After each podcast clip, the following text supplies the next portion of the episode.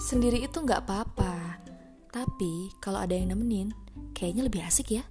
Kayak kalau makan bakso tahu, dimakan langsung enak, pakai cocolan, beh, lebih enak.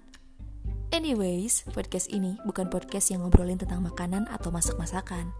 Tapi podcast ini bisa bikin saya jadi punya banyak jawaban atas pertanyaan-pertanyaan yang saya simpan. Hmm, bersama saya Dai di podcast Baso Tahu. Mbak-mbak, so tahu.